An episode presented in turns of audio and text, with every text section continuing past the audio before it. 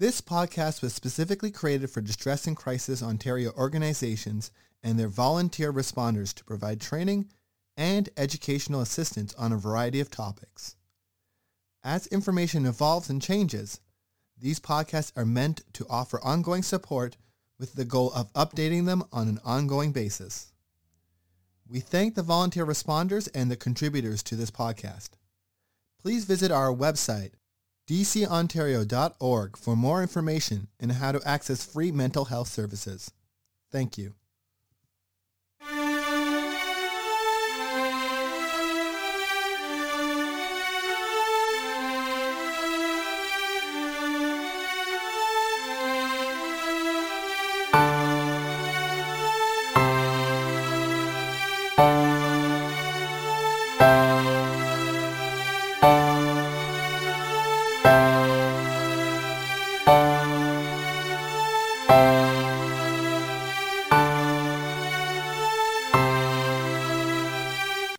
Hi, you're listening to part two of a conversation already in progress, specifically for monthly podcast donors. Thank you for your support. Stepping away from maybe our personal struggles with addiction, and we're looking at how to support others around us who are struggling with addictions and substance abuse and how we can help them in their journey with their struggles. So if I believe that someone close to me is struggling with addiction, is there any way that I can find out for sure? And how can I best assist them if my beliefs are valid? Yeah. Yeah, that's that's a really important question, something people struggle with all the time. Um, there is no one single answer, but the better you know the person, the easier it is. So when you get to have a relationship with a person, I'll call it a baseline. I mean, they behave in a basic way. They have basic sense of humor. You know what upsets them. You know what makes them happy. You know when their moods are up and they're down.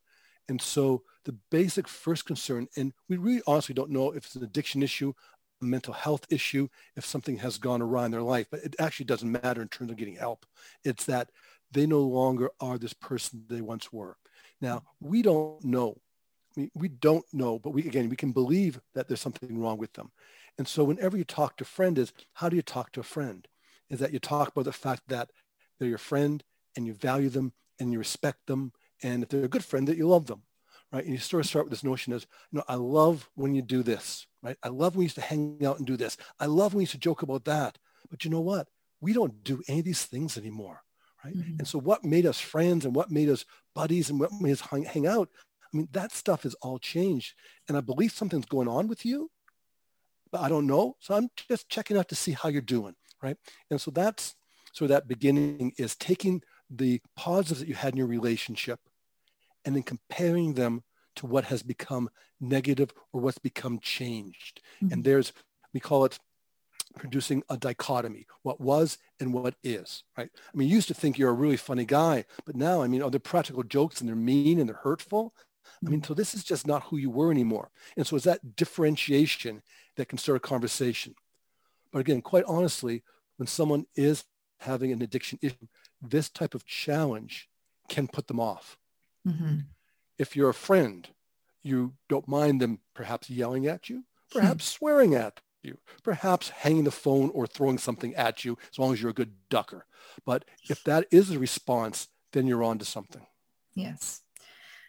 So to lead into uh, my next question, I know that someone close to me is struggling with addiction and it is having an impact on myself yes. and on my own life. Yep. And what is the best way that I can take care of myself while still supporting them through their struggle? Oh, that's an outstanding question. You actually give the answer I was going to give. so yeah, there's two things going on. Um, and this is often true for best friends, for business partners, for parents, for children, is that um, the person that you are in relationship with, the person that you love, um, is you do talk to them and they basically blow you off, put you off. And, but their behavior is having a negative impact on you. And so you're right, Caitlin. There's sometimes people aren't ready to change or something more dramatic has to happen in their life, but their impact is still on you. So the onus is, is to take care of yourself and absolutely and go get some support and some counseling for yourself going you know what this is my child this is my best friend this is my partner and this is what they're doing and i can't change them no no one can change the person um, I'm trying to support them, but it's having a real drain on me. What can I do for me? And so bang on is that you go and you take care of yourself because we know if we don't take care of yourself, you can't take care of anybody else. And if you have a good relationship with them, you can to support and be present with them, but you don't let them harm you, right? Mm-hmm. Don't let them harm you. I mean, you can stay in relationship with somebody and take care of yourself first and go, you know what, when you're going to act out like this, I like hanging out with you, but when you're like this, I got to remove myself from you. That may say something about you, the fact I can't hang with you anymore when you're doing this. Mm-hmm. Up to mm-hmm. you. I've told you the resources. I've told you I'm thinking. You think you're cool. I don't.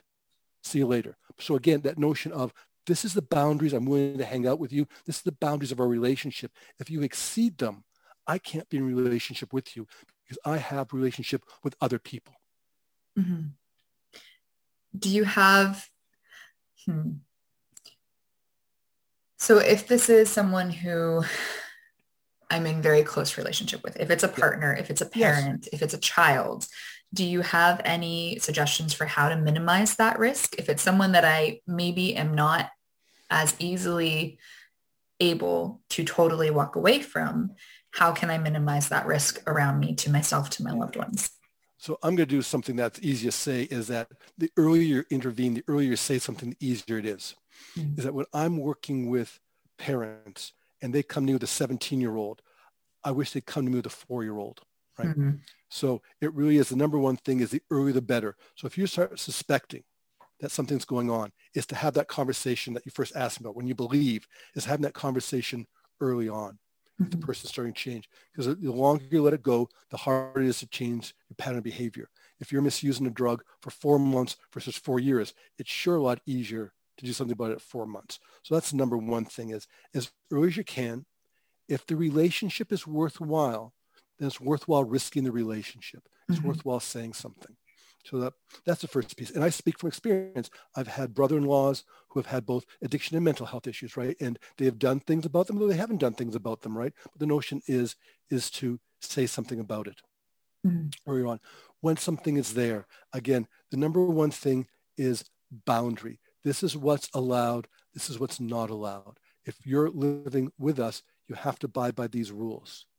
And if not, right, it's the impact. And again, I'm fortunate. I haven't had that issue with children. Um, I've had an issue with colleagues as opposed to close personal friends. And so you mm-hmm. intervene. And quite honestly, with some of the professional, is some people have taken counsel and have changed their behavior, and some people have not. Mm-hmm. So um, I so there is no one way to do it. It is um, to be frank, to be but be supportive. Um, it is to be willing to risk the relationship, because ultimately, and this goes something back to what I, I spoke about in the first podcast. If people listen to this, ultimately, is that excessive chronic drug use leads to premature death. Hmm. Now, I don't want to be a death educator. I don't want to tell people you're going to die because most people who use drugs never die, never get to that point in time. But if you're that worried about somebody, and I'm not talking about an overdose from drugs, I'm talking about just having too many drinks and getting in the car and driving away, smoking one joint too many and crashing the vehicle uh, into a tree, those mm-hmm. sorts of things. So that becomes a question is that is your discomfort in talking to someone about their drug use, is it more or less uncomfortable than going to their funeral? Mm-hmm it's going to be a lot easier in the long run if you know that you had an uncomfortable conversation than it is to know that you didn't. Yeah. And I want to underscore that this is uncomfortable. This is conflict. This is confrontation. This is unpleasant. But quite sincerely, if you're a friend of someone, this is your child, this is your parent, right? Mm-hmm. It's easier for them to have the conversation than me as a stranger to try and help. By the time they come to me, they should be at that idea of contemplation, thinking about the fact that, Jesus, my adult kids and my first and second wife are all telling me I'm a pain in the butt. Hmm. Uh, no, and I come see Rick and say, Rick, you know, I'm a pain in the butt. And I go, well, not to me, but tell me what other people said about you. But that person, at the time they're coming to see me, has already got the question in their mind, am I in the pain? Not that I am a pain in the butt, but am I a pain in the butt? They're at hmm. least now thinking about it. And so if we can get people thinking about it, so when someone walks away from you upset with you, let me use this un- unprofessional word, mad at you, angered with you, upset by you, you've done your job because now they're thinking about it. And they may not change in a week or a month. And they come back to you, they go, oh, I'm sorry, I was a real dick. Um, and you go, yeah, you were.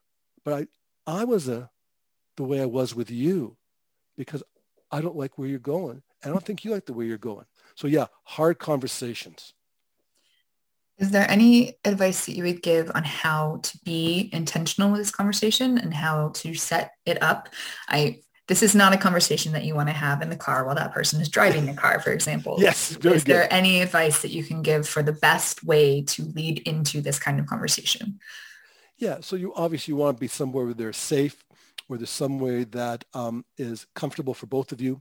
Yeah. The notion of somewhere where they can't run and jump in a car and drive away would be one. Mm-hmm. Um, and, and again, without being facetious or joking, is a point in time when they're not drinking or drugging, right? A point in time where they're not actively using for the last for a while, because one of the things that drugs do is cloud your ability to have a rational conversation, cloud your memory, cloud your communication skills. So mm-hmm. yeah, you want a place and time when the person can have a rational conversation. And that's a key word, because you know what? You're not going to have a rational conversation. These conversations are emotional.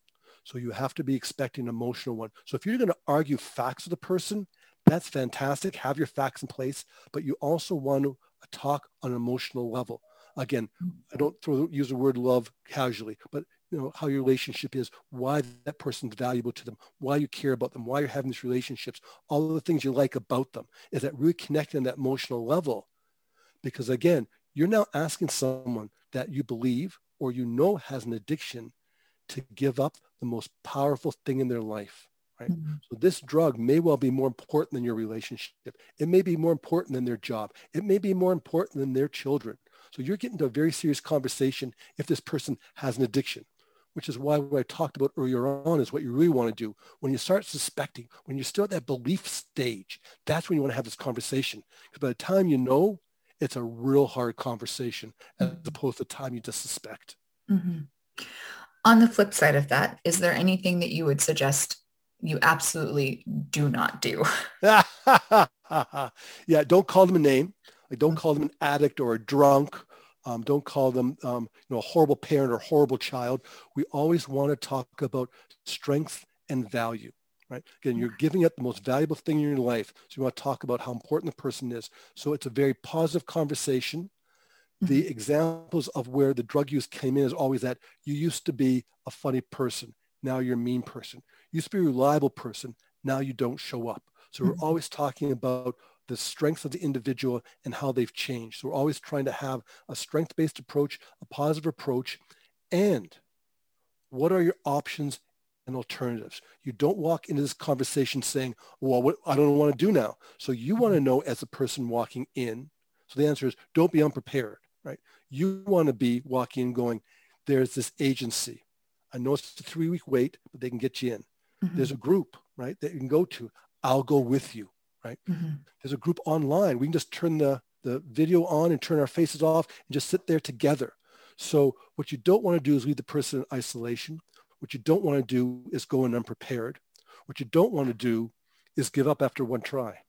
Mm-hmm. That's a very valid point. Like we've already covered, no matter what, it's going to be an uncomfortable conversation. And the first talk that you have about it is not likely to go well. So if you give up after that first try, then mm, yeah. yeah. So if you're willing to give up after the first try, are you a friend? Mm-hmm. So before you even have the first conversation, you need to know that you're going to be able to stick to this. I think that's a very good point. I've been married 34 years now and I, I would say perhaps my wife and I have had disagreement every time again or not.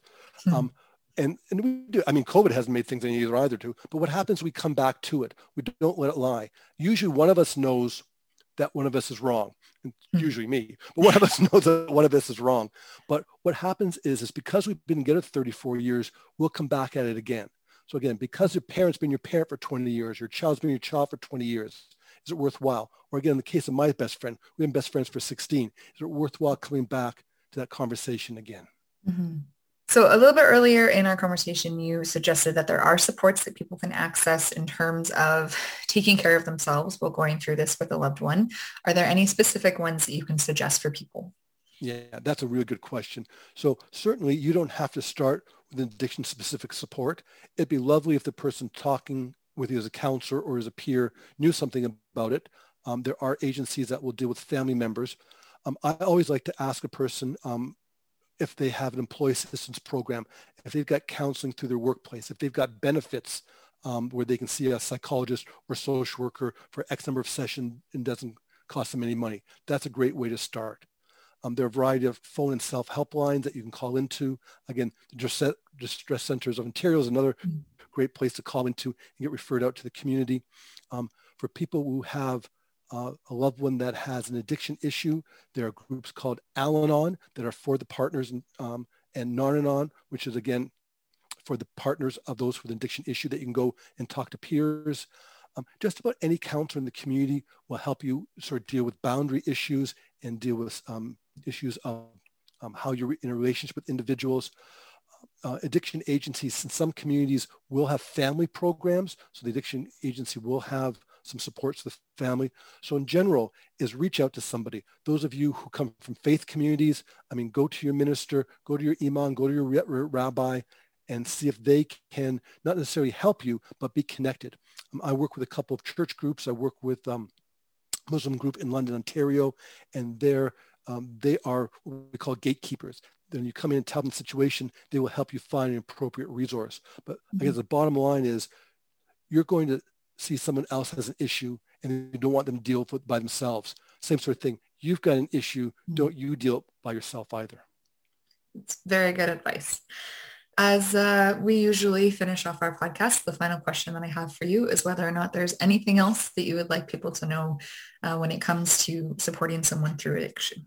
Yeah. And so ultimately, if you're not healthy yourself, if you're not well yourself, you can't help anybody else. Mm-hmm. So again, people say, oh, I wish I could help this individual more.